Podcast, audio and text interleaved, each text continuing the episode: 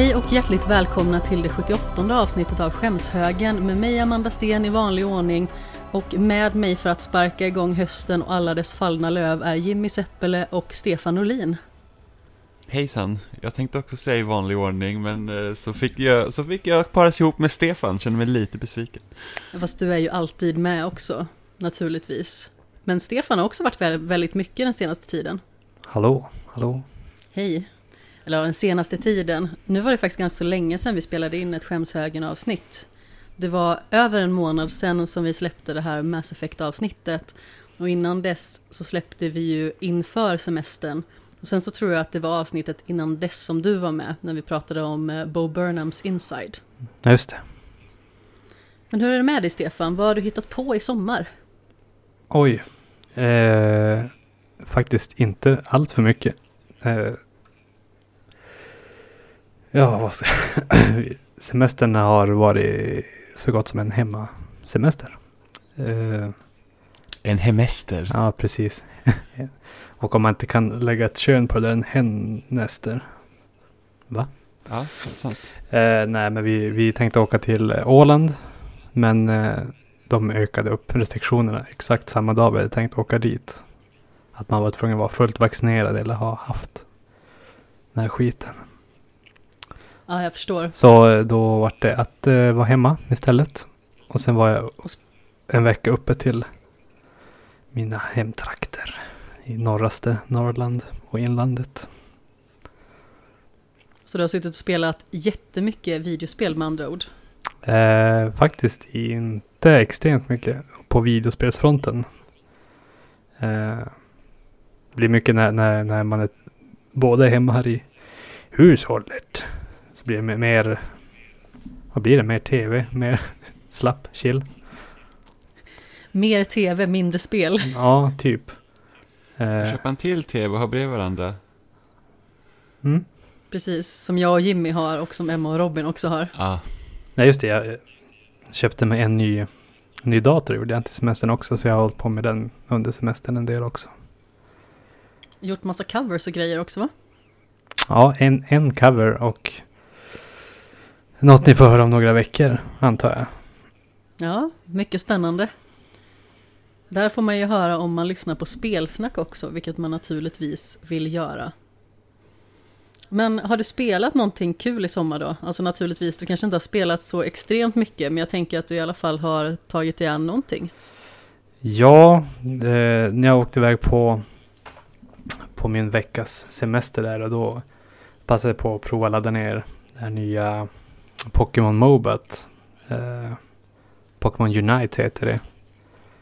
Det är en liten blandning av de här klassiska Mobas, League of Legends och Dota blandat med, ja eftersom det ska vara Pokémon så ska man inte hålla på att döda varandra på samma sätt. Att det inte är målet utan det är som man lagt ut så att man ska samla poäng och typ dunka poängbollar i olika mål längst deras, vad ska man kalla det, lanes. Vad är ett bra ord för det på svenska?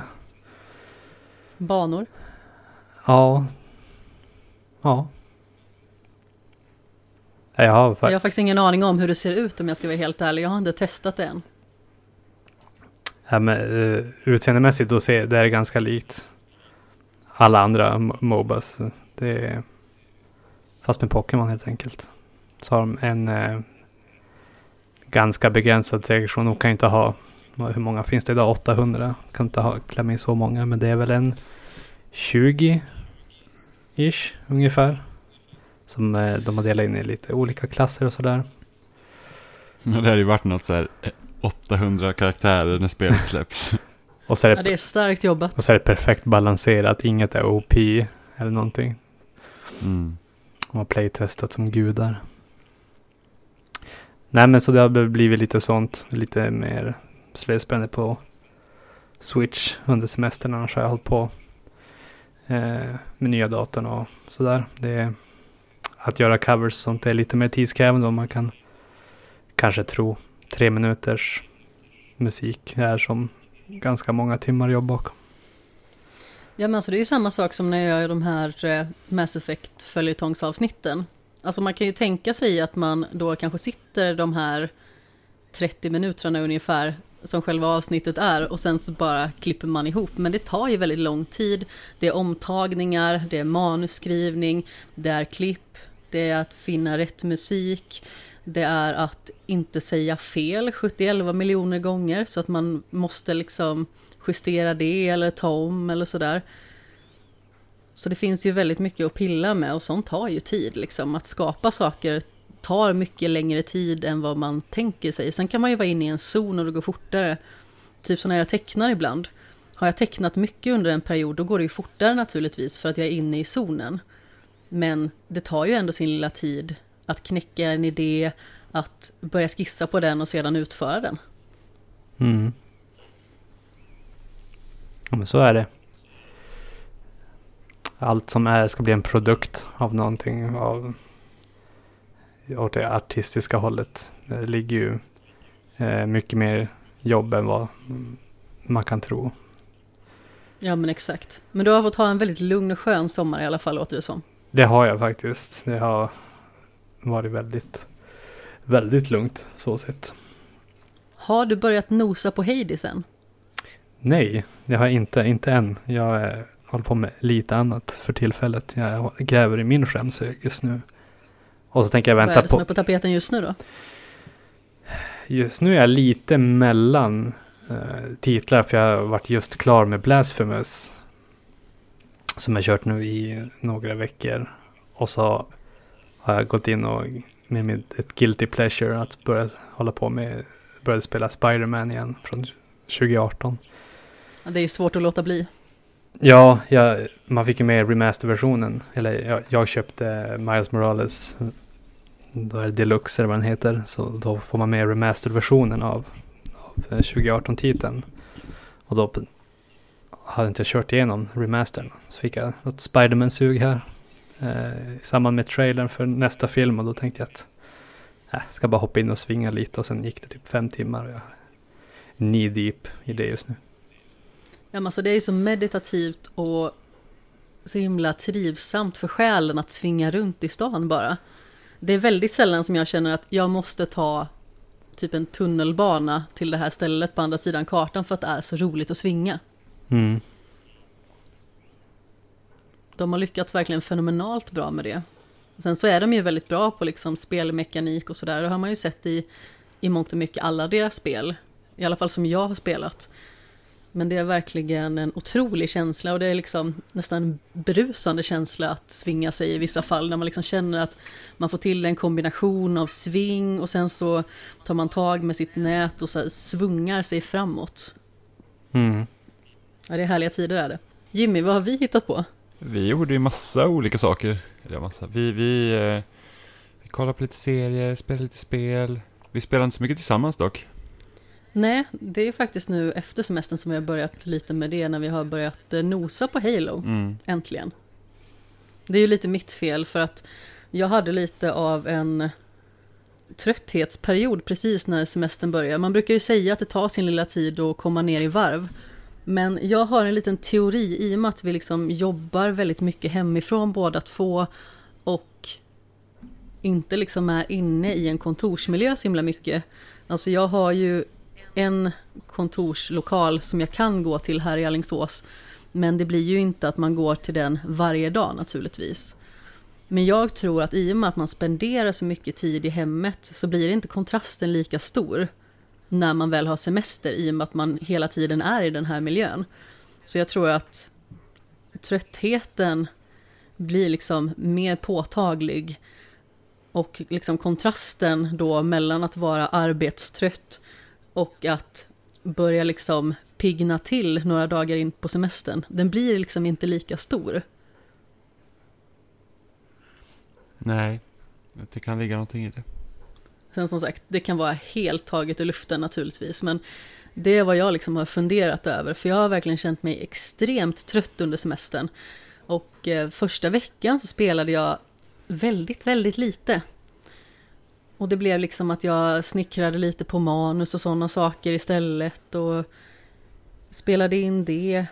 Och sen när jag väl kom igång, då var det bara typ två och en halv vecka kvar. Till min stora sorg. Och sen så var vi iväg lite och sen var Robin och vi hade din syster med eh, dotter på besök också, vilket var superroligt. Oliver och Jenny var här också med lille William.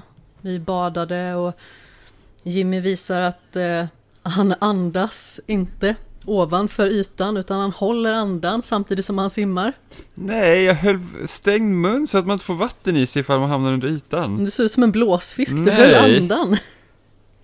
Jag försökte se till att jag inte fick massa vatten i munnen. En fantastiskt rolig företeelse för övrigt.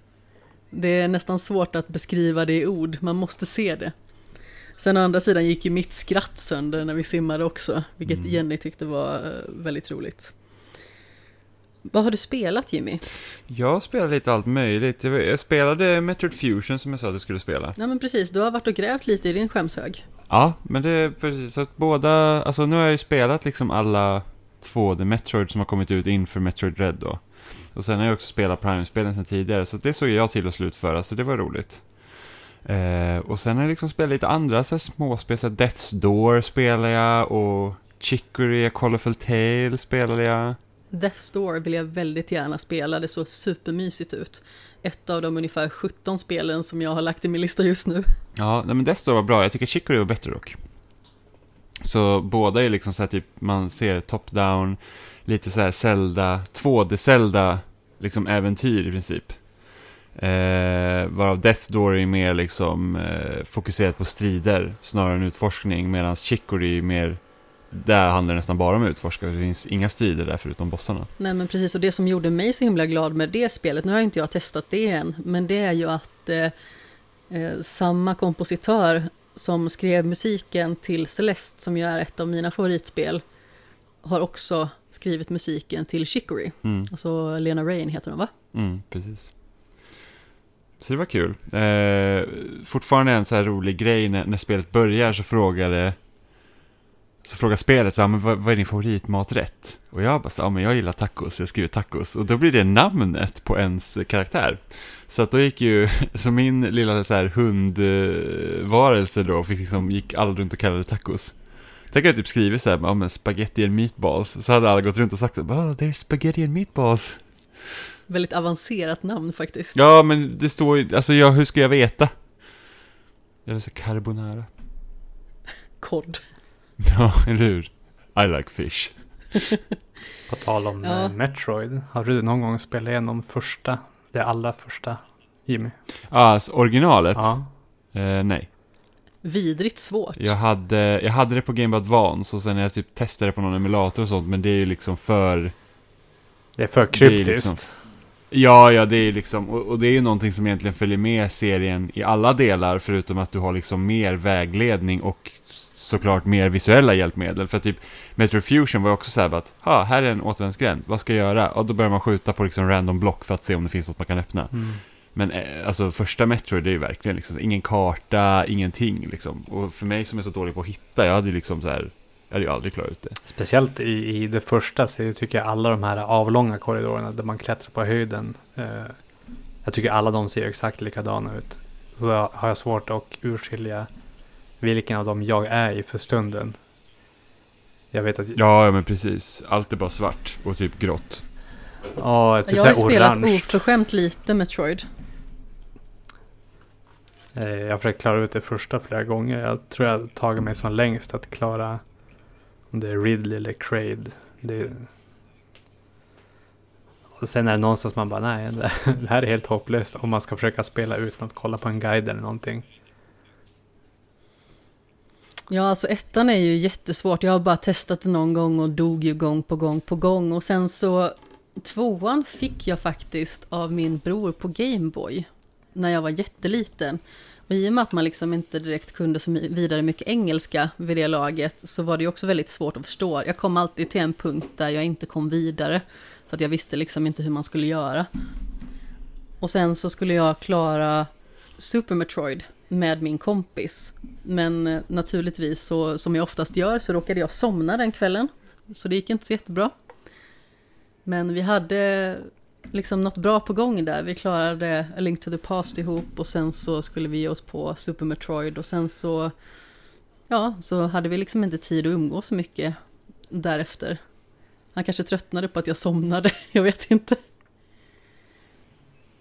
Samma kompis eh, spelade jag Until Dawn med för typ två somrar sedan.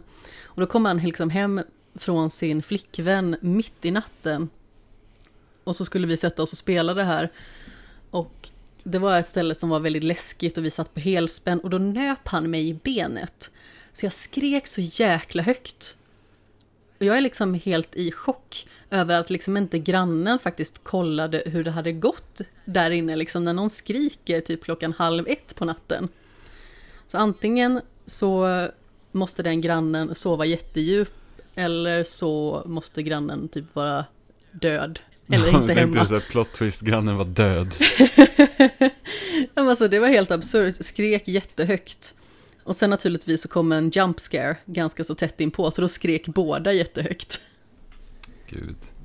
Men det var, det var faktiskt väldigt roligt. Jag är ju inte bra på att spela skräck, som ni alla vet. Och vi har ju en eh, spelsnack-stream kommande den 25 september, så den får man gärna att kolla på naturligtvis. Vi börjar klockan 10 på dagen. Och det har väl hintats lite om att det kanske kommer lite skräck. Och jag fruktar för mitt liv. Så jag har försökt att kuppa in 15 timmar Fall Guys istället. 15 timmar faga, sen har man inte varit klok efter det. Nej, precis. Vi har ju spelat ganska så mycket Fall Guys ihop, vi tre. Ja, det har vi. Ja, det går ju lite i perioder det också. Vad tycker vi om den senaste säsongen, alltså med djungeltema? Ja, jag tycker väl att det är typ en av de... Jag tror nog att jag tycker att det är den svagaste säsongen. Som har kommit faktiskt. Vad tycker Stefan? Eh, nej men jag skulle vilja säga att det... Jag tycker den är ganska rolig. Eh, roligt tillägg med de här lillypadsen. Med studsmattor i princip. Som man kan studsa runt på. Jag tror inte de fanns nästan i... n- Nej, de har inte funnits än. De är nya för den här. precis. Det är så att det öppnar Jag upp. älskar Lily Leapers. Så det lägger upp lite mer roliga, intressanta grejer och miljöer. Eh, jag tror jag fortfarande håller snösäsongen lägst. Säsong tre. Ja, stämmer. precis. Jag Jaha, tror jag håller den som sämst. varför det? Eh, ja men, fläktar. alltså is. Ja, Alltså jag håller den ganska varmt om hjärtat, men jag tror att det har väldigt mycket med att det var en säsong där jag vann väldigt mycket. Det låter ju som att jag lyfter upp mig själv väldigt högt här, men det var en säsong där det gick jättebra för mig. Och jag liksom tog de här sista troféerna innan den absolut sista som jag förmodligen aldrig kommer ta någonsin. Men det är ganska så jämnt skägg mellan den och eh, medeltidstemat. Jag tycker om dem väldigt mycket båda två. Så det är svårt. jag gillar nog Jag säsong, medeltids... jag gillar nog säsong två och fyra bäst faktiskt. Ja, men jag tror också det att jag, i alla fall medeltidstema tror jag jag tycker är roligast. För där liksom kom, det var ganska liksom intressanta grejer i det, typ den här wall guys när man ska flytta på block och springa upp och sådär. Så att det, det är kul. Och Jimmy blir alldeles kränkt över att jag råkade putta ner honom enligt honom. Men på min skärm, i och med att det är liksom olika synk, så var det ju han som hoppade in i mig så att han trillade ner. Ja, men jag höll fan fast i kanten när du kom flygandes där och stångade mig i sidan så jag gled ner. Och du skrek praktiskt taget lungorna av dig. Ja, men eh, herregud, jag ramlade ner. Det var jätteroligt.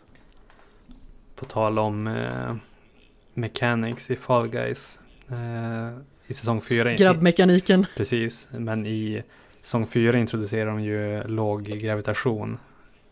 Eh, low gravity zoner. Så man kan hoppa och glida runt mer i luften. Eh, har ni provat, nu var det en, en, ett, vad heter det? En show.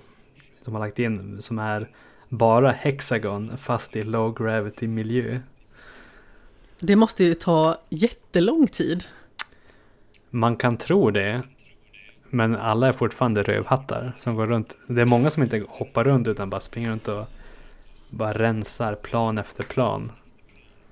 Jag trodde det skulle bli mer utdraget. Men att folk ska stå och hoppa så här segare. Men folk I och för slutar sig, inte jag har nog vara kört rövhattar. Thin Ice i låg gravitation.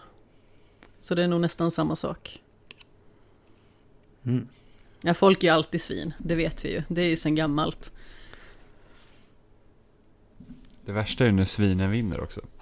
Ja, Det är det, är det absolut störigaste när de, de, de gör dumma grejer och så förtjänar de på det och man så bara mår... det skär i själen. Ja.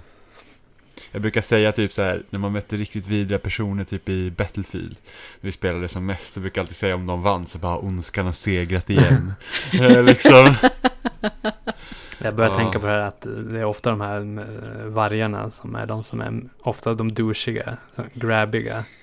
Och då börjar jag tänka på ut, Eller, jag börjar tänka på uttrycket. eller som Jimmy brukar säga, de rosa ollonbollarna. Ja, just det. Ja, men det är de som, det är typ, har man inte bytt någon färg eller någonting när man startar spelet så är man ju rosa. Ja, Men jag börjar tänka på det här, a wolf in cheap clothing, fast det är bara wolves in douche clothing typ. Ja. ja, det är helt sant faktiskt. Jag tycker nog också att den här senaste säsongen har varit den svagaste. Naturligtvis jätteroligt och det som har varit en fördel med den här säsongen är att de har lagt in flera utmaningar. Så vi har liksom haft de här Ratchet och Clank-utmaningarna till exempel, där man kan vinna lite saker. Och det blir liksom en extra morot. Sen var det den här Gyllene korv-utmaningen och nu är det djungelutmaningen till exempel. Så det finns ju mycket roligt som de har lagt till och det har varit eh, eh, trippelteam och det har varit duos. Så vi har liksom kunnat spela väldigt mycket tillsammans, antingen vi tre eller så har vi kört två och två liksom sådär.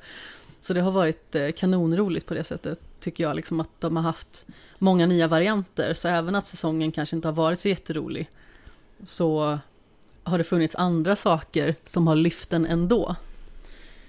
Ja men verkligen, du och så Triple Squads är jätteroligt verkligen. Ja, men alltså det är ju väldigt roligt att spela tillsammans. Jag tror aldrig jag hade spelat så här mycket Fall Guys om det inte hade varit för att vi körde ihop så mycket. Jag menar, vi körde ihop lite i eftermiddags precis innan jag skulle iväg och jobba liksom, igen. Och det är ju kanonroligt.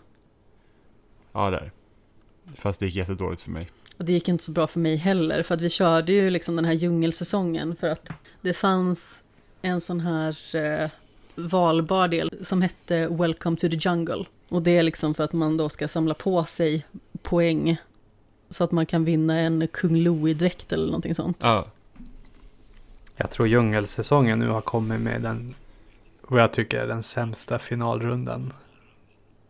Tror jag. ja den labyrinten. Ja. Den, Alltså den, den hade varit så rolig som en hinderbana. det hade det. Alltså utan final, utan det är så här att ta dig igenom eh, liksom labyrinten och kom liksom till mål. Det hade varit skitkul. Ja. Eh, Att det är en finalbana tillför verkligen ingenting. Alltså jag har kommit till kronan en gång. det, det är lite, det är lite gånger. som DoorDash. Är du bara längst fram där och har tur med dörren, då vinner du. För om du råkar Ja. klanta i de två sista rummen, då har du ingen chans längre att vinna. Det går inte. Nej. Och du kan ju omöjligt veta heller vilken dörr som är rätt. Nej. Det är bara den första jag kan naila. För det finns bara en. Men det, för, för att annars gillar jag gillar verkligen idén. Som en vanlig hinderbana bara. Jag hade gärna sett att det fanns flera vägar också. Att man i tidigt skede sticker två olika. Så att det, jag tror jag har sagt det förut som parallellen med här Yoshi-banan i Mario Kart 64. Det är alltid bara Ja, frågetecken av vad- vem som leder och inte för det finns så många olika vägar. Det hade varit kul att ha något sånt, att folk bara springer skilda vä vä vägar liksom. Och, Ja. och sen vet man inte vem som ligger först. Och sen kommer man till ett ställe där kronan finns. Och så är det random. Vad, så, inte, så man inte lär sig utan till att ja, vänster är alltid snabbast. Ja, ja men precis. Något sånt hade varit intressant. Ja. Men eh, från eh, Fall Guys och eh, Sonic med lejonbyxor, eller vad det nu var vi såg någon gång. Never forget. Eh, never forget Sonic med lejonbyxorna. Jag tänkte att jag skulle avlägga en liten lägesrapport, för det var ju så att vi pratade lite om vad vi hade tänkt att konsumera under semestern. Och eh, jag kände att jag gjorde kanske inte riktigt min läxa så himla bra, om jag ska vara ärlig. Eh, jag blev inte klar med Mass Effect 3, då jag dels var lite mätt på att anteckna, men också känner en enorm sorg över att det snart är slut. Varken du eller jag, Jimmy, har spelat Disco Elysium. Nej. Inte sett Tove, inte sett A Quiet Place Part 2. som naturligtvis slutade gå på bio här när vi började gå på bio. Inte sett Labyrinth. Däremot så har vi sett alla säsonger av The Great British Bake Off. Det gjorde vi faktiskt. Eh, sen har vi nyligen, precis efter semestern, kollat på We Are Who We Are. Och eh, precis som jag sa tidigare så har vi ju börjat nosa lite på Halo också. Under semestern har jag mest ägnat mig åt, när jag har spelat liksom på egen hand, typ detektivarbete. Så jag har agerat FBI-agent i Rainswept, sen har jag agerat grävande reporter i Twin Mirror och eh, Läderlappen själv i Telltales Batman som jag då återbesökte. Och sen så har jag faktiskt fortsatt lite på det spåret med ett recensionsuppdrag som då är eh, Life is Strange True Colors. Som passade mig oväntat bra. Eh, jag kommer prata om det mer i spelsnack och en recension kommer också upp på loading inom kort. Var det någonting som du kände liksom så här lite sorg över att inte du hann med under semestern? Jag hade nog velat se mer, för jag ville se Moonlight, kommer jag ihåg, lite film och sådär, som det inte blev av, utan det blev mest att man spelade. Eh, men jag hann ju med Metroid i alla fall. Så det var ju kul. Ja, nej men precis. Däremot har vi ju sett jättemycket bio och det ska vi gå in och prata om alldeles strax. En jäkla konstig grej som hände oss under semestern däremot, det var ju att förra året när du fyllde år, när du fyllde 29, så Ja. gav jag dig i present att vi skulle gå på en sån här Harry Potter in concert. Vilket då var att vi skulle se Harry Potter och Fången från Azkaban till eh, orkestrerad livemusik på Skandinavium. Eh, och det sköts upp från förra året till i år. Och när vi kommer till Skandinavium där eh, i augusti så är det kolmörkt och igenbommat. Och det visar sig att det här lilla evenemanget har flyttats ett år framåt till utan någon information om det. Så vi liksom gjorde oss i ordning, åkte in och vandrade till Skandinavium utan liksom att få se någonting. Så det var bara att åka hem igen. Vi köpte varsin cheeseburgare på McDonalds och sen satte vi oss i bilen. Ja, lite sorgligt faktiskt. Ja, det var faktiskt väldigt sorgligt. Eh, som sagt, eh, säga vad man vill om J.K. Rowling naturligtvis. Vi har ju diskuterat lite det här kommande Harry Potter-spelet naturligtvis, eller Hogwarts-spelet snarare. Eh, jag var inte så insatt i, i det där då. Jag är fortfarande lite så här kluven till hur man liksom ska ställa sig till eh, att införskaffa saker som liksom hör till det universet.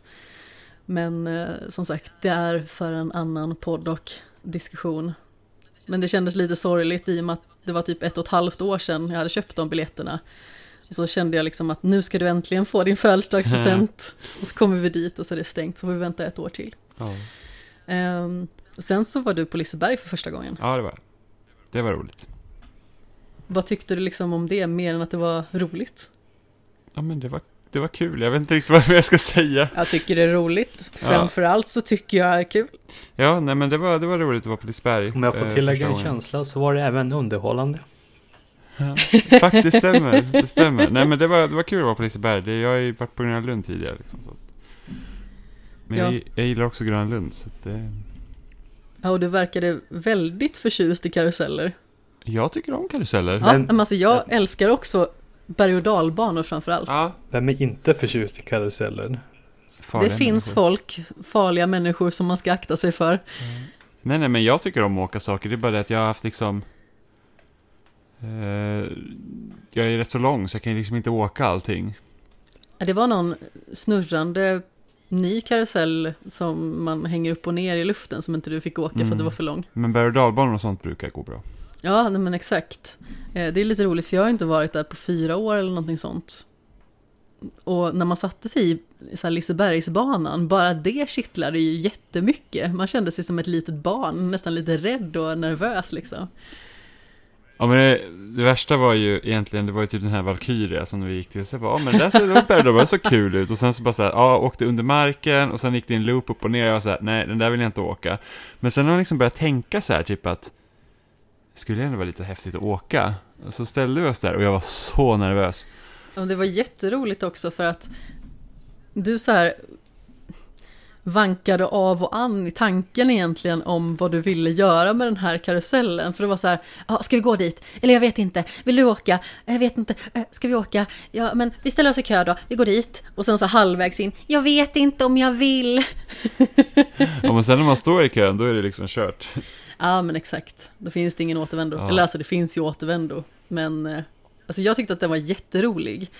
Eh, jag kollade ju på den först och såg det här 90 graders nedsläppet som är i början. Och tänkte bara att det är så här jag dör, liksom. Fy, vad läskigt. Alltså, Balder var väl typ så här 70 grader eller någonting och det tyckte man var mycket.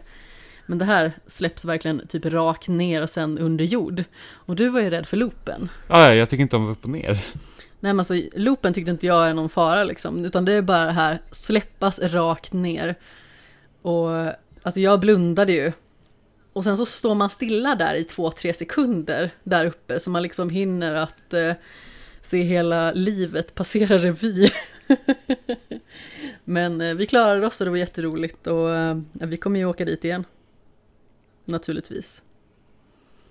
Du har till och med pratat om det flera gånger efteråt. Att du Ja, ja, men det var jätteroligt. Nästa det, sommar, det, är så då ska länge, vi dit igen. det är så länge sedan jag åkte karusell och så, så det var jättekul. Ja, Jag är det på. var härligt tyckte du.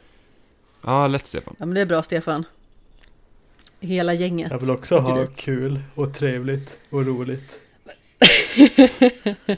Och underhållande. Ja, framförallt det. Men vi har ju blivit underhållna förhoppningsvis under sommaren också. Det är ju nämligen så att biograferna börjar öppna upp och vi nämnde ju det lite i förbifarten sist du var med också Stefan. Att det har varit lite biobesök och så fort både jag och Jimmy var helvaccinerade så började vi gå på bio och har sett, tror det är sex stycken biofilmer sedan dess. Ja, vi har gått på rätt väldigt mycket bio. Det är liksom så att när det inte har kunnat gå på bio så är det inte så att man liksom sitter och tänker sig bara, ah, jag skulle vilja gå på bio för att jag brukar inte gå på bio så ofta. Eh, men nu när man liksom har gått så bara, fan, man har ändå saknat det lite. Och det bästa just nu också när, när det liksom varit så att de får inte släppa in lika mycket folk till biografen och folk går inte så mycket så har det även nya filmer är typ helt tomma. Som är kanske typ max 3-4 sällskap. Det är jätteskönt. Jag tycker det är ja, men jättenice. alltså, det känns ju Det känns ju väldigt skönt att man kan stödja den lokala biografen också. Så att den liksom får in intäkter. Samtidigt så är det ju väldigt skönt för en själv att komma dit och känna att man liksom inte behöver sitta i knät på folk i mångt och mycket. Utan man har ju liksom kunnat bre ut sig och andas väldigt frisk luft på något vis. Ja, jag tror mest folk var nu när vi såg Shang-Chi.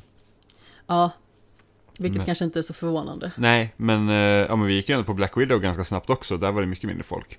Ja, men den kändes inte lika spännande. Tyckte Nej. inte jag i alla fall. Eh, som sagt, vi har ju sett en hel del filmer och vi kommer att prata om tre stycken, så det kommer nästan vara lite så här superhjältetema.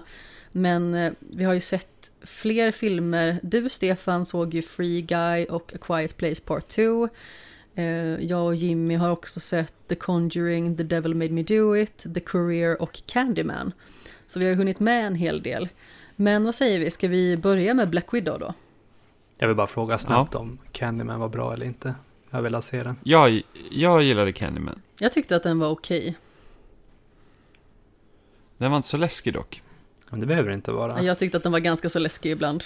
Men jag är också en fegis. Ja, men det beror lite på om man vill vara utav en skräckfilm. Men eh, jag, jag tyckte den var bra. Den var väldigt snyggt filmad också. Har, Ja, har ni sett absolut. den här uh, Invisible Man? Om den kom förra? För, förra året? För två år sedan tror jag den kom. Ja. Eller var det i fjol? Ja, strunt samma. Ja, men den har vi sett. Den tyckte jag var väldigt bra. Den var förvånansvärt bra. Så vart man ju. Ja, ja men den var bra.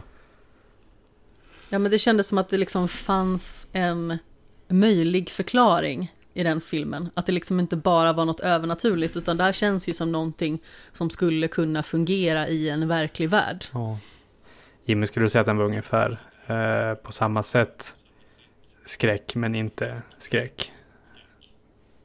Och det är så svårt att se. Ja, ja, kanske lite. För jag upplevde inte Invisible Man som skräck. Skräck. Nej, den, den är mer, den är nästan mer thrilleraktig. Ja.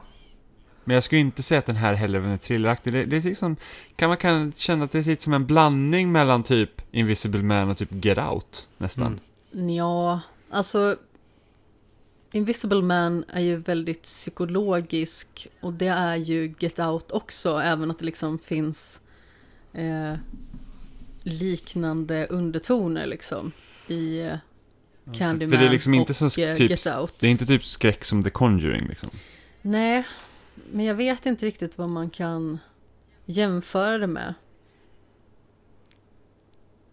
Alltså jag tänkte kanske att lite- vissa kan- grejer... Kanske lite mer åt asshållet också faktiskt. Jag tyckte att vissa grejer var lite åt det här Fear Street-konceptet liksom i och med att det har en del att göra med eh, alltså generationer och sånt och eh, skräckscenarion som typ går i arv på något vis. Mm. Men, men den var, jag, jag, jag tyckte om den, den var bra. Alltså jag tyckte inte den var dålig. Eh, sen så tyckte jag kanske inte att den var lika bra som du tyckte att den var. Men eh, Black Widow, vad tyckte vi om den, Stefan? Jag tyckte den var helt okej. Jag tyckte nog att det hör, en till, hör till en av de sämre av Marvels katalog faktiskt.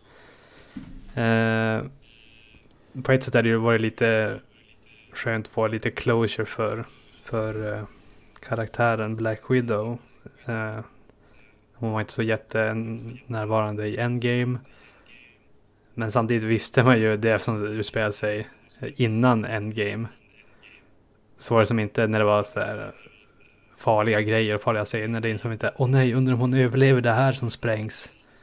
Det är som att den utspelar sig innan Endgame. Så det var lite sånt som... Det är som andra stakes när man vet hennes eh, ja, öde så att säga. Eh, Alltså sånt här kan ju funka, men jag tyckte att den kändes ganska överflödig. Alltså den var inte dålig, men ja, den var liksom inte speciellt bra heller. Men jag tror det är liksom som många recensenter också sa, liksom att den här filmen kommer typ sju år för sent. ja, För den borde liksom ha kommit, alltså ungefär där vart den hamnar i tidslinjen, där borde den nästan ha kommit. Ja men exakt, det känns som att det är för sent att bry sig om henne på något vis. Men jag antar att det är att de liksom vill föra arvet vidare då till hennes syster på något vis. Så att det är det som är den stora grejen. ja, Hennes syster som liksom är någon form av upplärd supersoldat, precis som hon själv. En mördarmaskin. Eh, Jag tror att mitt största problem med Black Widow-filmen, det är liksom hur... Jag tycker inte att den liksom landar bra, som speciellt när den försöker vara mer seriös, eller när den är så plojig, för att det är liksom, den blir nästan fjantig i sin humor. mm, Jag tycker det liksom passar inte, det, det är liksom så att du går från att liksom ska vara ganska så här superseriös till att vi säger att ja men nu kör vi lite slapstick-humor här, lite, lite så här skojiga skämt, och den här karaktären som var typ superseriös i början, nu är den liksom bara ett skämt. Och man så Ja, men bara, det kändes liksom som att det var haha ryssar. Ja men lite så, och med tanke på liksom hur, när, när filmen börjar och man liksom får se från när Black Widow och hennes syster var små, då var den så här, liksom nästan så här superseriös, liksom den här spionthrilleraktiga. Det gillade jag. Jag med! Jag gillade verkligen hur den började och sen så bara dalade Och jag den. förstår liksom inte varför de inte körde den biten, alltså att de gjorde som mer som en spionthriller, för då ska det vara lite mer det här lättsamma och liksom typ, de kom på att det var en Disney-film. ja men lite så, det är lite så här att jag gillar Ant-Man till exempel. För den funkar, jag tycker att den liksom, hur humor är där och med den karaktären så funkar det. Jag tycker inte att samma typ av humor och liksom stil på en film fungerar för Black Widow, för det är liksom inte, hon är inte den karaktären. Nej, Alltså jag tycker ju att den humorn fungerar sämre i Black Widow. Däremot så tycker jag att Ant-Man är en sämre film. Nej nej, alltså Ant-Man är en av mina favoritfilmer i MCU, alltså jag tycker Ant-Man är skitbra. Jag kan inte förstå det här. jag tycker Ant-Man också Jag- är jag- skitbra.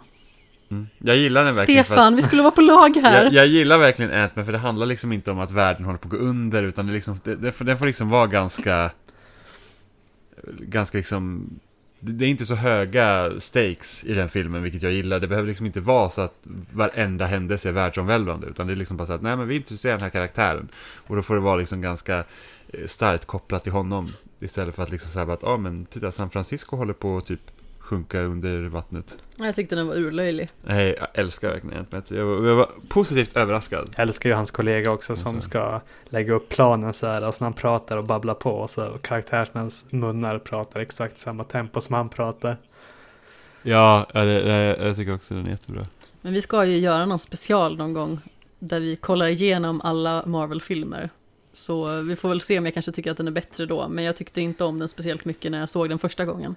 Alltså inför, eh, inför Endgame så såg jag alla filmer igen i rad för första gången liksom. Som att det var några filmer som jag inte hade sett och sen så var det så här att, ja men nu tittar jag på alla i rad. Och då, då, då fungerar till och med de sämre filmerna bättre tycker jag.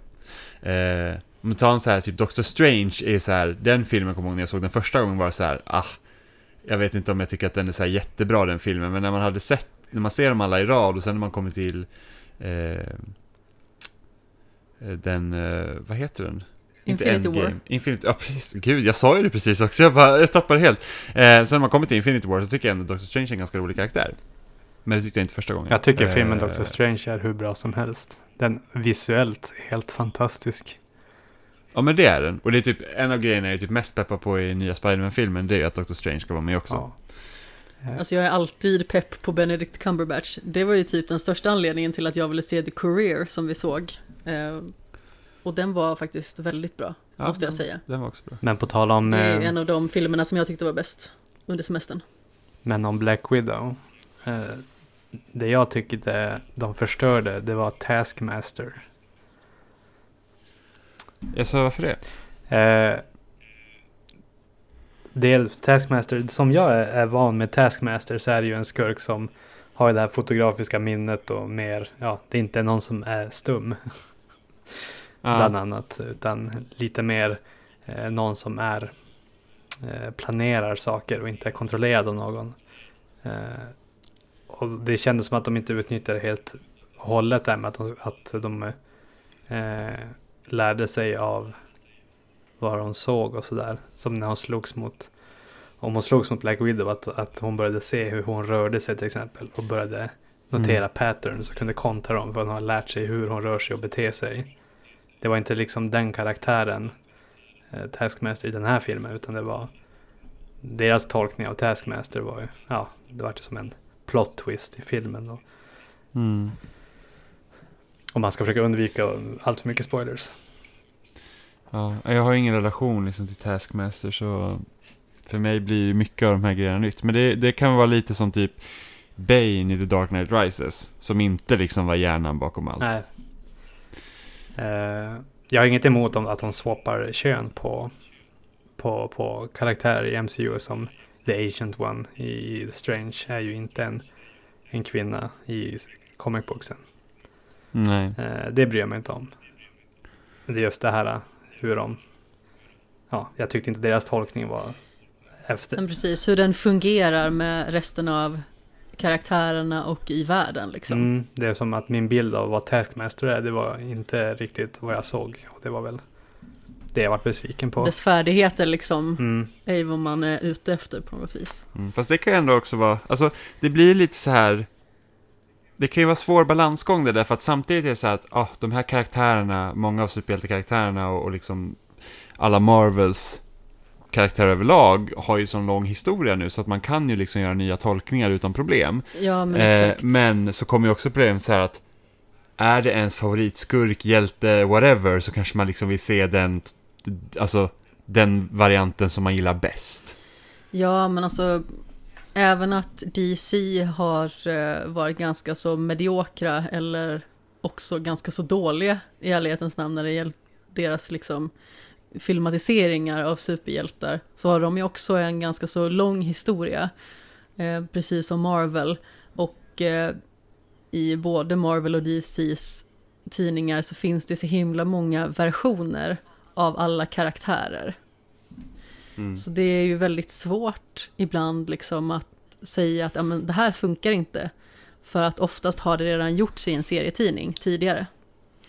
Ja, och det är det jag typ gillar med uh, Insomniac Spiderman. Att liksom att de kan ha, i sitt universum så finns både Miles och Peter Parker liksom i samma. mm. Så att det är liksom inte så att de öppnar upp multiverse. För att jag har hört det i andra podcast, de bara ah, men vi hoppas att de öppnar upp multiverse så kan man ta in Gwen Stacy som Spider-Gwen. Och jag säger bara, men alltså, de behöver inte öppna upp multiverse för att få in Spider-Gwen, för de kan liksom fixa det ändå. De kan bara vara där. Precis. Så att det, och det är väl något som jag är lite orolig för nu när man tänker Marvel framöver, det är liksom det här med multiverse. Alltså det är en kittlande tanke att det finns, men samtidigt så är jag lite rädd så här att när man öppnar upp den möjligheten så kan man göra lite vad som helst utan att det får konsekvenser. För att man kan alltid liksom säga att äh, men vi kan ta in det från en annan liksom, dimension eller vi kan lösa det så här bara så här puff liksom.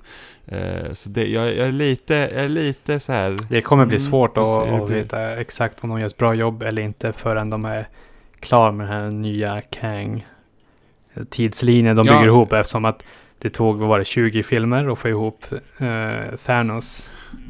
Det, Ja, men precis. Så nu kanske det blir liksom- 20 blandad serier och film att försöka se om det kanske är först om 10 år vi kan säga ah, men det här sköter de skitbra. Eller, Ja men precis, för att det är liksom så här att väva in alla serier och alla filmer och liksom vad är det de bygger mot nu? Eh, för att som jag vet det så är det ju ingen Avengers planerad för fas 4. nej, men det är väl också där lite, de, nu har de ju Doctor Strange, en Spiderman-film till exempel. Det är som lite, lina lite åt det. Lite, vad heter det, tredje Captain America var ju lite smyg Avenger-film. Mm. Sådär, alltså de kanske gör mer sådana grejer när de går fram den här gången. Och nu när Multiverse öppnas upp, det kanske, vi kanske får se varianter. Eller variants. Om man, vet inte om det är exakt samma ord. Men eh, ja, variants av, av eh, karaktärer kanske dyker upp. Man vet ju inte hur de har tänkt. Mm. Binda ihop den här Har du sett What If? Ja, det har jag. Apropå Doctor Strange så var ju det avsnittet helt magiskt verkligen. Jag tyckte att det var fantastiskt. Och sen den här veckans avsnitt med zombies var verkligen en snarkfest. Jag tyckte att det var så tråkigt. Jag blev så himla ledsen för att jag tyckte att What If-serien liksom verkligen har tillfört någonting och varit jättespännande och eh, gjort intressanta tolkningar och eh, variationer på olika scenarion. Och så kom den här zombie-grejen och bara bajsade på det. Jag tyckte att det var väldigt sorgligt faktiskt. Sen naturligtvis, alltså det finns många andra bra avsnitt och vi kommer prata om det här mer framöver också, men eh, några första intryck, Stefan, av den? Ja, What If. Ja, precis. Eh, nej, jag, jag gillar What If. Eh, jag gillar att de började ganska mjukt med den här eh, Agent Carter What If situationen. För att liksom få tittarna lite lätt in i att ah, så här kan det bli när man flippar lite på vad som kan hända. Och sen bara eskalerar det som med det här zombieavsnittet. Ja, jag tycker det är lite synd med What If att de liksom tar varenda avsnitt ska vara liksom mer som en actionsekvensfest. Istället för att göra saker som de kanske inte riktigt kan göra i filmerna eller de vanliga tv-serierna. men du Alltså, hade ju en intressant liksom, grej om zombieversionen. Ja, alltså, det, alltså jag tyckte zombieversionen varit skitspännande att följa liksom en superhjälte som i princip har gett upp. Det är så här bara att världen har gått till skit, jag har liksom ingen lust att kämpa längre. Och jag det är är princip, ensam. Ja men precis, det är ju ungefär den man får följa liksom. Lite som typ pilotavsnittet i Walking Dead. Tycker jag, det är typ den seriens bästa avsnitt. Mm. För att man följer bara Rick och han liksom såhär bara, ah världen har gått under, vad, vad fan, vad gör jag liksom? Och Rick, eh, What's His Face-killen från Love Actually. Ja. Ah, okej. Vad heter det? Det är också att man vet ju inte heller vad de har tänkt göra med What If. Har de tänkt försöka knyta in det på något sätt med The Watcher och sånt där? Eh, Alltså jag har, vet inte, de har ju jag sagt, tror att det är bara liksom en intressant grej och För de- fanservice. för de har, re- de Alltså, har de har ju redan, eh, det ska komma två säsonger. Eh, ja, ja men precis, jag, jag undrar liksom om den här säsongen kommer knyta ihop till någonting eller liksom kommer varenda avsnitt vara fristående? ja, det vet man ju Eh, inte. Om, om The, The. Watcher kanske till slut ingriper om någonting, det vet man ju inte. Eftersom att om de ändå eh, bemödar sig att introducera eh, The Watcher som koncept. Ja, och samtidigt har de ju sagt att What If ska vara canon. Ja, Så att det, det kan ju hända liksom att typ, ja men inte för att det är så att oh, vi kommer få se massa av de här grejerna i filmerna, men liksom säg att The Multiverse öppnar upp sig så kan vi säkert få typ se, ja men de skulle kunna fixa typ en CGI zombie Captain America som liksom swishar förbi, Ja. liksom. Mm. För det har vi sett i What If exempel. Jag blev väldigt sorgsam när jag tänkte på att det här var Chadwick Bosemans sista projekt liksom i eh, Marvel-universet innan han eh, trillar av pinn. Ja, jä- jättetråkigt verkligen. Ja, han verkar vara en sån fantastisk person, en otrolig skådespelare och alltså hela den händelsen är bara så himla genomsorglig. Jag vet att det är liksom en sjukdom som drabbar många och eh, det är liksom sånt som händer varje dag, men eh, ibland så finns det ju liksom vissa som, eh, alltså, som påverkar extra mycket. Jag kommer ihåg liksom det året, 2016, som började med att både David Bowie och Alan Rickman gick bort inom typ en veckas tid eller någonting sånt. Det var hårt liv. Ja, Visst var det 2016? jag, jag, jag kan inte svära på exakt vilket år det var. Jag för mig att det var det. Har vi något mer att tillägga om Black Widow? Det känns väl som att vi inte var jätteintresserade av den, någon av oss egentligen, eller? Den var okej. Jag ångrar inte att jag har sett den, men underhållande. Men det var eh, en av Marvels lägsta eh, intressepunkter för, för min del i alla fall. Inte sämre än Hulken dock. Nej, det, det är ganska svårslaget. Det jag hoppas de Ja, inte jag kommer till en sån nivå. Utan att, Nej, men det, det ska jag inte tro att de gör. Men det är liksom så att man märker vilken skillnad det är om man tittar liksom på de första filmerna. Så att jag tycker både så här första Captain America, Hulken och Thor. Nej, första Iron Man ändå, den håller ändå klass, tycker jag ändå. Eh, men tittar man typ på Thor, Captain America och Hulken så är de projekten lite så här, ah, de har inte riktigt liksom kommit till sin rätt där än och det är inte blivit en kassako där idag. För att nu är liksom varenda De är film... bara kassakor. Ja men varenda film som har kommit typ sen, men under hela fas 3 egentligen så var det liksom bara så här bangers. Om man säger så. Mm. Men ska vi hoppa lite från Marvel till DC då? Vi har ju sett den nya Suicide Squad. Den förra var ju så horribelt dålig att man nästan kunde gråta. Den förra Suicide Squad var så dålig så att den gjorde Batman vs Superman bra.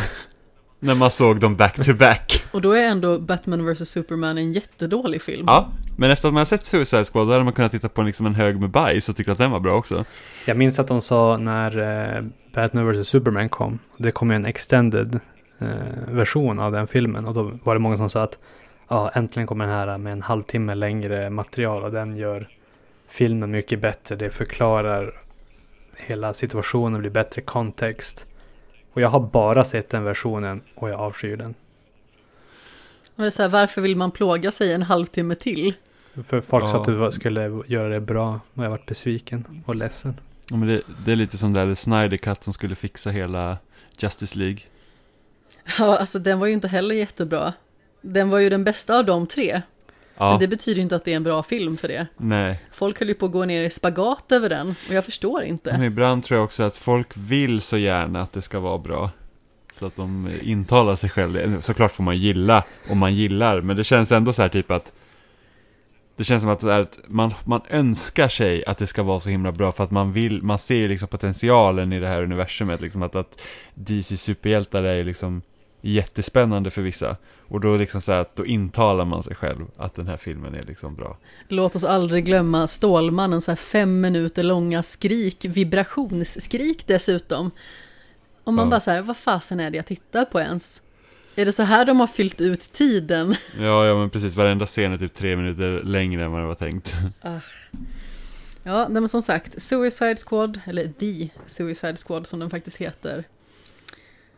Jimmy, vad tyckte du om den? Alltså jag tyckte att den var helt okej. Den var ju inte lika dålig som eh, den första filmen liksom. Det är fan svårt. Ja, det är fan svårt. Eh, och jag gillar ju liksom James Gunns Guardian of the Galaxy-filmerna. Och det här är ju liksom lite samma... Det, det, det, det träffar lite samma ådra liksom. För du har det här typ, ja men du har ett gäng muppar i princip. Som ska göra någonting tillsammans. Eh, Ja, men det är en och- plojfest. Ja men precis. Jag tror största problemet och liksom största skillnaden mellan Suicide Squad och till exempel Guardians of the Galaxy Det är det att i Guardians of the Galaxy så är det lätt att heja på hjältarna Medan i, Su- i The Suicide Squad så blir det så här bara att jag vet inte riktigt varför jag ska bry mig om de här för att det är liksom de har inte gjort någonting för att få mig liksom så att, ja men, jag hejar på dem. Utan det är typ så här, ja men, jag har en dotter, de hotar med att typ göra någonting mot henne, men jag tycker inte om henne och hon tycker inte om mig, så Why do I care, typ. Och Ja, då blir det också så här att, men om inte karaktären bryr sig, så varför ska jag bry mig liksom? Ja, nej men alltså jag kollar i min så här vännerlista i den filmappen som jag använder, är tre stycken fyror och en femma och jag förstår verkligen inte det. Jag gav den två och en halv. Jag tycker att det är på sin höjd vad den förtjänar ungefär. Jag tyckte att plojigheten togs lite för långt. Det var väldigt svårt att bry sig om någon karaktär. Jag tror att den karaktären jag brydde mig mest om var den här lilla råttan Sebastian. Eh, det är faktiskt en väldigt rolig scen.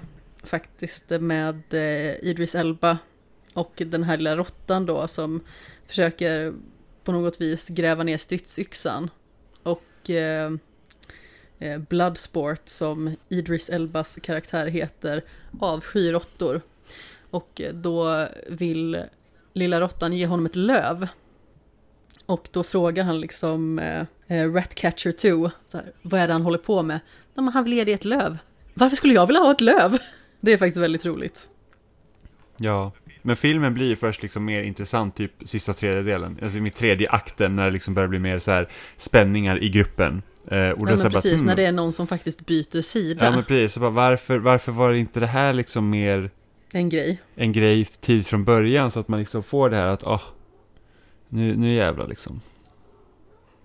Sen finns det ju väldigt många, alltså det finns ju ganska roliga scener i den också, men det, ah, det, det är ingen, jag tycker inte att det är en fantastisk film.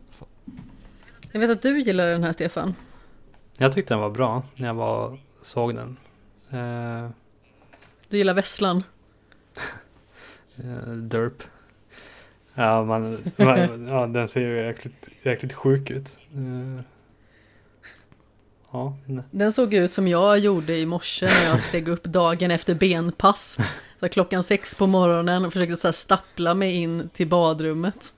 Ja, just det mådde sådär bra för att det var tidigt och jag var trött och jag hade ont i benen. Jag tyckte den var, var jäkligt eh, underhållande. Storymässigt är ju de där filmerna bara ganska dumma. Ja. Det är inte, man kollar dem inte riktigt för storyn. Men eh, underhållsvärdet tyckte jag var väldigt bra. Som när de går igenom det här campet och ska rädda sin kompis när de har någon eh, så här kukmätartävling. Eh, Eldris Elba och han, eh, vad heter han, Toilet Seat, hjälmen. John Cena är Peacemaker. ja, precis. Ja. Ja, ja men det var, det var faktiskt väldigt roligt där. och sen, ja, de liksom mördar sig igenom hela stället. Och sen i slutändan var det inga bad guys, utan det var bara någon annan så här peace camp typ. Ja men precis, det var en annan grupp av typ rebeller eller någonting ja. sånt. Ja, precis. The Resistance. Ja. Ja. Eh, jag tyckte jag tyckte den var underhållande. Det var en riktigt bra biofilm om inte annat. Men jag tänkte på när den här eh, bad guyen kom ut, det här monstret i slutet. Då, då för jag kände också de här eh, Guardians of the Galaxy-vibbarna lite i, i stuket under filmen. Och sen när monstret kom fram och den skjuter ut alla de här små armhålefiskarna. Eh, så fick jag säga att ah, det här skulle vara någonting i Guardians of the Galaxy, tänkte jag när den kom.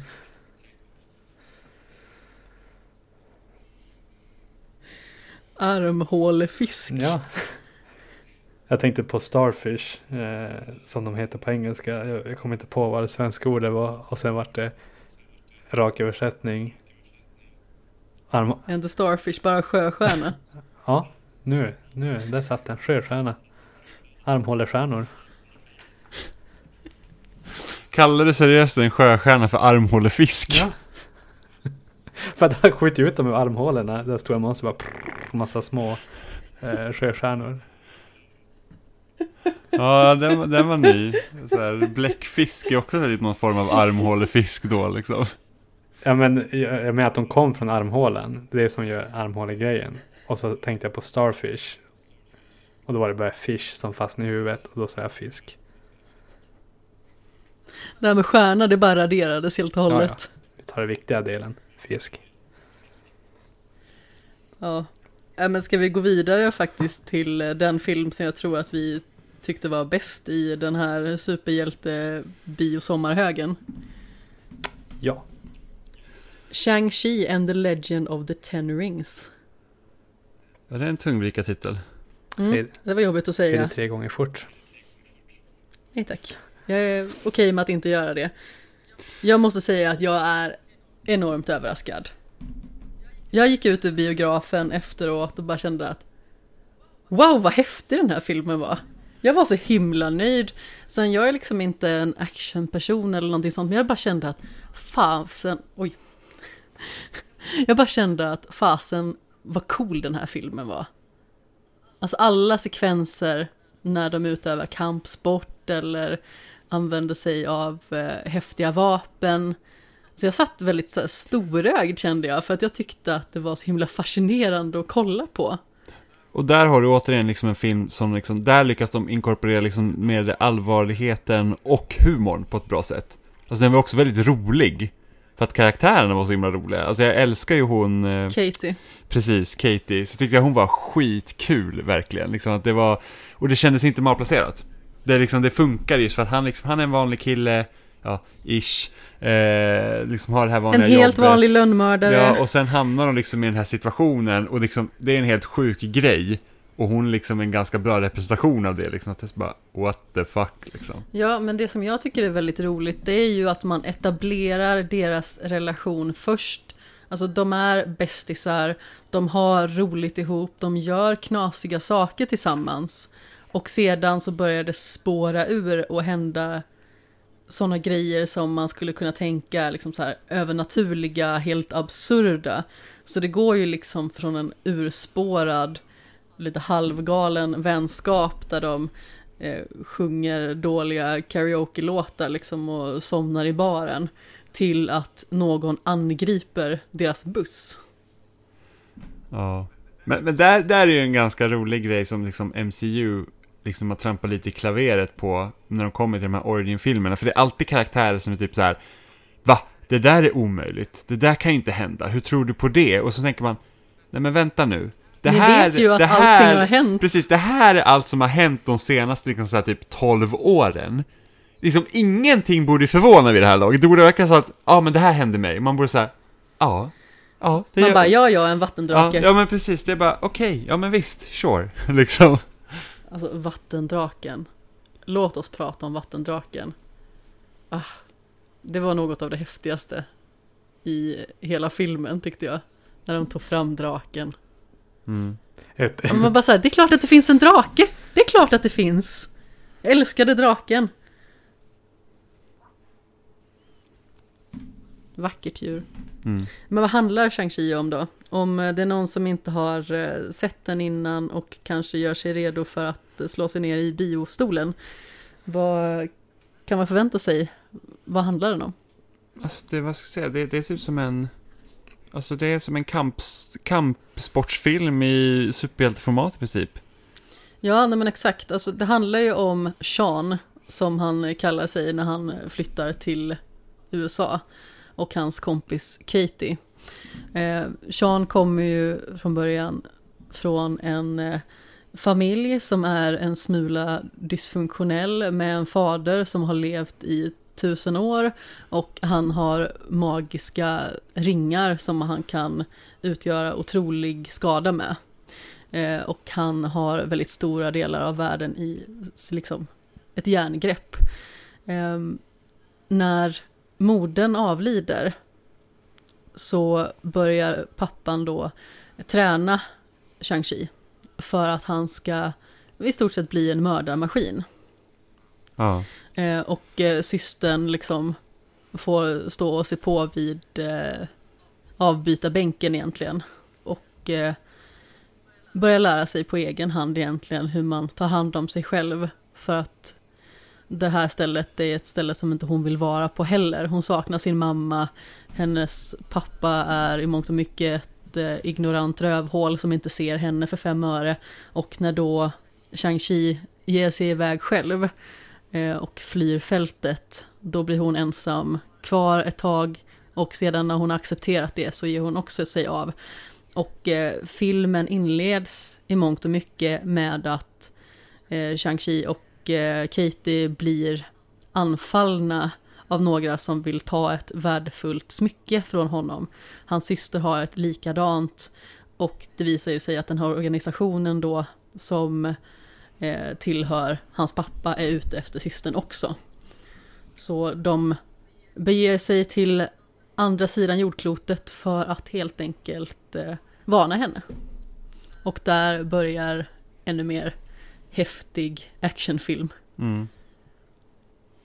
Systern som också är fenomenalt häftig. Mm. Superstark, eh, imponerande eh, kampsportsmadam, verkligen. Som inte bara liksom hanterar sina händer och fötter utan också vapen. väldigt imponerande. Jag vet inte ens vad det vapnet heter, men det är liksom en... Vad ska man säga att det är? Som en piska med en knivblad i änden. Ja, eller någonting i den stilen. Stefan, du kanske har koll på vad det heter? Martial arts-stilen. Mm. Nej, jag menar mer vapnet. Ja, var det, det här snöret? Snöret, jag gillar att jag är piska. Stefan bara, snöret.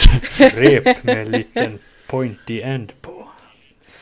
Nej, jag har ingen aning om vad, vad det heter. Vasst snöre. Nej. Jag har tyvärr ingen koll på det här. Sytråd.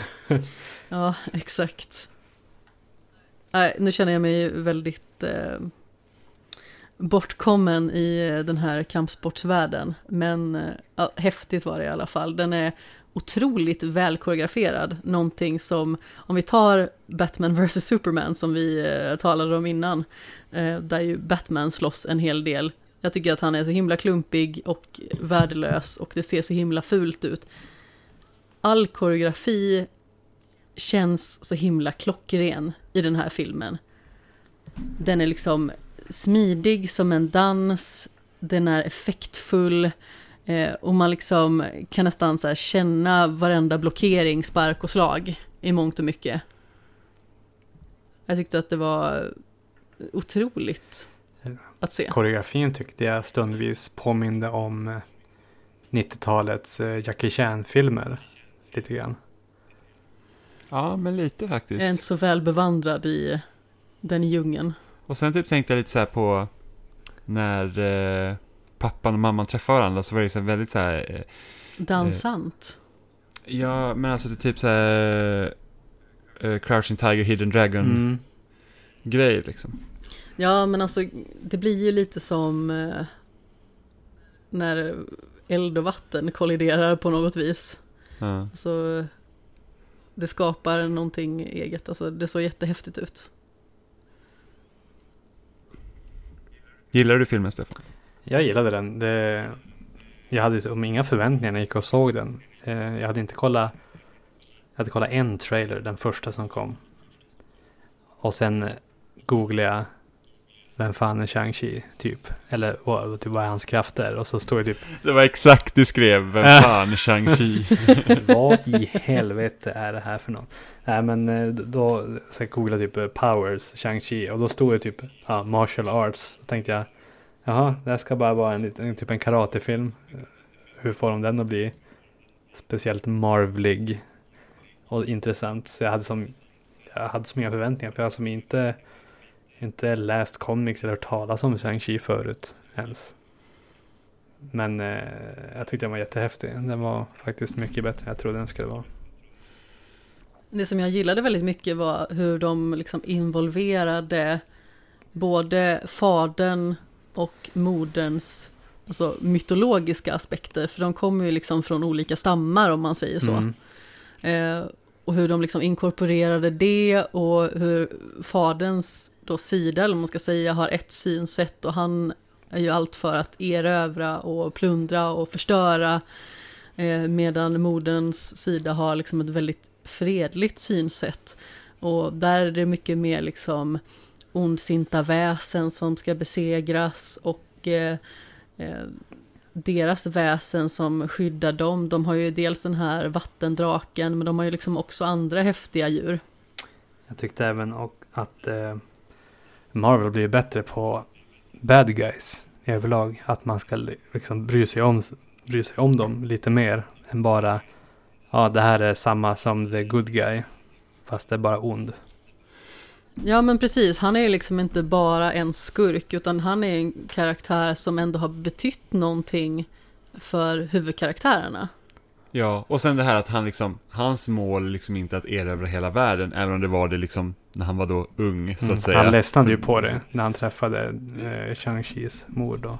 Ja, ja men precis, men sen liksom, hans mål sen är ju inte att liksom bli starkare och jag är så elak, så elak och ond liksom så att, eh, ja, Han var, han var som också besatt av bli. rösterna. Som men precis. trodde, så att, det han kunde liksom, få tillbaka sin fru. Precis. Och sen gör ju den skådespelaren liksom som är, jag kommer inte komma ihåg namnet på nu, men han är ju väldigt känd, så att han, han gjorde också en otroligt bra roll. Mm. Ja men alltså det känns som att han skapar en eh, väldigt nyanserad karaktär. Ja, Tony Leung Chihuai eller något sånt. Jag vet inte, jag, slaktar den uttalet helt och hållet. Men eh, han är ju jättebra. Eh, och jag tycker alla skådespelare liksom var bra. Ja, alltså även eh, eh Falachen som då spelar eh, Li, eller Lili kallar de väl henne för egentligen. Mm. Eh, systern alltså, tycker jag gör en jättebra rollprestation som liksom Eh, lite förbittrad men också stenhäftig, verkligen. Eh, sen Katie är en väldigt rolig karaktär. Hon blir väl liksom eh, den som står på utsidan och tittar in lite i en annorlunda värld. Mm. Men hon blir också involverad, vilket jag också tyckte är kul. Det hade enkelt varit som att oh, vi måste rädda henne liksom. Men hon, ja, men precis. Hon, men det blir ju inte så. Nej, hon får ju faktiskt också vara en del av hjältedådet om man säger ja. så. Sen så är det väldigt roligt för att både du och jag bara så här, känner igen rösten. Och det var ju att hon gör ju rösten till draken Sisu i eh, eh Raya. Mm. Ja, det gör hon faktiskt. Lite lite galen. Eh, ganska så eh, speedad, eller vad man ska säga. Jag gillar hennes Men också här whis rolig whisky, rökiga röst hon har också. Jag tycker den gör sig bra. Ja. Mm. Man kan liksom aldrig glömma det, så här, ah, vi kan gå hem och sova och vara liksom så här ansvarsfulla vuxna. Och så bara år! Och sen så bara klipper de till så här karaoke-sjung liksom. Det är så jävla roligt. Jag gillar hur hon varit inkluderad i slutet också. När Wong kommer och bara, ah, Shang-Chi. Och så pratar, kallar hon in Shang-Chi och så följer hon med. Och så är det som att hon är helt inkluderad. Bara, ah, nu är era liv helt annorlunda från nu. Men precis. Ni är ett lag. Mm. Vi vill ha er båda. Ja, men det, det, det var faktiskt väldigt roligt. Jag tycker det var väldigt skönt att det liksom inte blev någon romantisk historia mellan dem också. Så att det hade väldigt lätt blivit att han då skulle rädda henne på något vis. Men det blir liksom så här att vänskapen kommer först och att de liksom hjälps åt på något vis. Ja. Det är väldigt roligt liksom när hon säger att men, jag åker med dig och han bara men nej det är för farligt eller någonting i den stilen bara vi ses på planet. Ja. Nej, jag tycker att det är liksom, det, det hör till toppskiktet av Marvel-filmerna ja. faktiskt. Jag tycker att den var, den var kalas. Annan rolig grej måste jag ju bara säga, det är liksom hur hon hänger upp sig på att han har bytt namn från Shang-Chi till Sean. Och att hon säger att det är som att byta namn från Gina till Gina. Ja, det var faktiskt väldigt kul också. Och sen typ sitter på planet och han så här berättar så här skitseriösa grejer om vad som har hänt och sen så bara, ah men vill ni ha typ den här maten? Och så bara klipper till de sitter på planet så de kommer och stört och de bara så här, tittar på henne. Ah, det var jättekul. Han har typ berättat att han är typ lönnmördare och sen så bara, ah men vill ni ha kött eller vegetariskt? liksom. Vi tar vegetariskt. Ja men den är slut. Så I guess I... Det är väl typ sådär att om, om vi har kyckling, kött eller vegetariskt, men kyckling är tyvärr slut. Ja, vi tar vegetariskt. Den tog precis slut. Vad ska ni då ha? Ja, eh, kött. Ja, vad vill du ha? Kött. Ja, det är jättekul verkligen. Men det låter som någonting som faktiskt skulle kunna hända på riktigt. Bara för att så här, servicepersonal är så inne i sitt servicepersonalande. Vet hur det är. Själv liksom jobbat eh, bakom reception. Det är ungefär som att någon säger typ så här att jag behöver inte ha kvittot och sen så typ nästa sekund frågar man ja, och vill du ha kvitto på det här? Mm. Var, man måste ju alltid försäkra sig om att man inte att liksom måste nästan vara så övertydligt som möjligt så att det inte blir fel. Ja, men samtidigt är det liksom också att man går in i en roll. Det är saker man säger som är inövade. Så det kan vara liksom att en person har sagt en sak eh, och sen så registrerar man typ inte det. Eh, ganska roligt också liksom hur man ja, fortfarande bibehåller den här rollen ifall man kanske kommer då till eh, gymmet och bara ska träna själv. Eh, och så säger den som står i receptionen, ja men har du så kul på passet? Och så säger man själv, ja men du också. Ja. Så här, ja just det, du står kvar i här i receptionen. Jag är med om lite samma sak på jobbet, för jag sover på hotell ganska ofta på jobbet. Och så kommer man och checkar in Och de bara, ja så får du sova så gott. Man bara, detsamma. Och de bara, jag jobbar natt. Det var verkligen så här typ Jag sad face och, oh. Jag är så, jag är så Alltså- inställd att någon säger typ, typ ha det bra eller något sånt där. Och så man bara, ah detsamma. Ja men exakt, man registrerar liksom inte exakt vad personen säger för att man har liksom en förväntning. Eh, apropå det här med hotell och sånt, det är så himla roligt i eh, kvarteret Skatan. Då är det ju en som eh, ska ringa och beställa väckning och så ringer han, ja hej jag skulle vilja beställa väckning. Är du inte vaken då? Ja. Det tycker jag faktiskt är jätteroligt. Men eh, ja, jag vill inte härma den eh, från skånskan på bästa sändningstid eh, för en annan podd. Det kan vi ta när vi har sett Kvarteretsgatan någon gång. Men eh, har vi något mer att tillägga om Shang-Chi? Alltså jag håller ju med om att det är eh, i toppskiktet helt enkelt. Jag tyckte om den här jättemycket. Verkligen förvånad över hur imponerad jag var och hur nöjd jag var med hur den liksom kopplades samman till det fullskaliga narrativet. Mm. Nej, jag tyckte också det var, det var kanon verkligen. Och post credit scenen tyckte jag gjorde det väldigt intressant. Över vad som kommer framöver. Ja, vi såg bara den ena postcredit-scenen, det fanns ju två. Ja, den andra är inte viktig.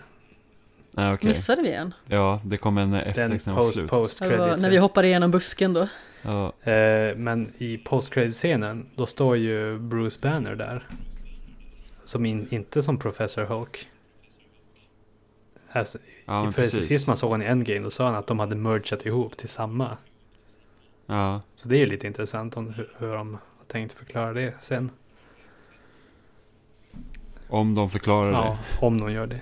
Och så åkte ju Carol iväg på något brådskande uppdrag där också. Så det är väl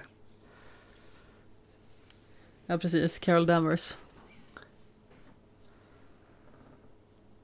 Men vad säger ni? Är det dags att eh, runda av för dagen? det. Ja, Det börjar väl bli dags. Ja, du behöver ju gå och lägga dig Stefan i och med att du ska upp typ 03.50 eller något sånt här orimligt. Men då ska jag vara på jobbet. Ja, jag trodde att du skulle gå upp då. Nej, då, då ska jag vara på jobbet. Du får teleportera dig. Ja, Stiga upp 03.59, nej 49. ja. Och sen får du resa tillbaka i tiden så att du kommer i tid till jobbet. man ska göra den här typ Doctor Strange-virveln liksom. Man bara snurrar Mm. lite och sen kan man hoppa igenom en portal. Det hade ju varit kanon. Hallå! Ja. Hallå! Ja, nej men som sagt, eh, nästa avsnitt när vi sitter, eh, kanske inte så här, det kanske bara jag och Jimmy, men då kommer det bli ganska så stor seriekavalkad, för vi har ju sparat ihop ett gäng som vi tänkte prata om nästa gång, och sen så lär det ju bli att vi eh, pratar lite fördjupande om Dune, som kommer nästa vecka. Mycket exalterad över detta. Är du klar med boken Jimmy? Jag är 150 sidor in.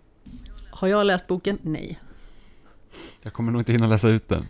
Alltså jag hade ingen plan på att läsa den heller. Men Eh, jag har hört att filmen är typ halva första boken. Så kanske bara behöver läsa 100 sidor till. Det är mycket möjligt. Då får du göra ditt jobb. Ja. Nej men som sagt, jag är väldigt spänd på att se hur den ska vara. För det är ju liksom ett skådespelarstall som man inte skojar bort i första taget liksom. Det är väldigt imponerande namn hela vägen igenom.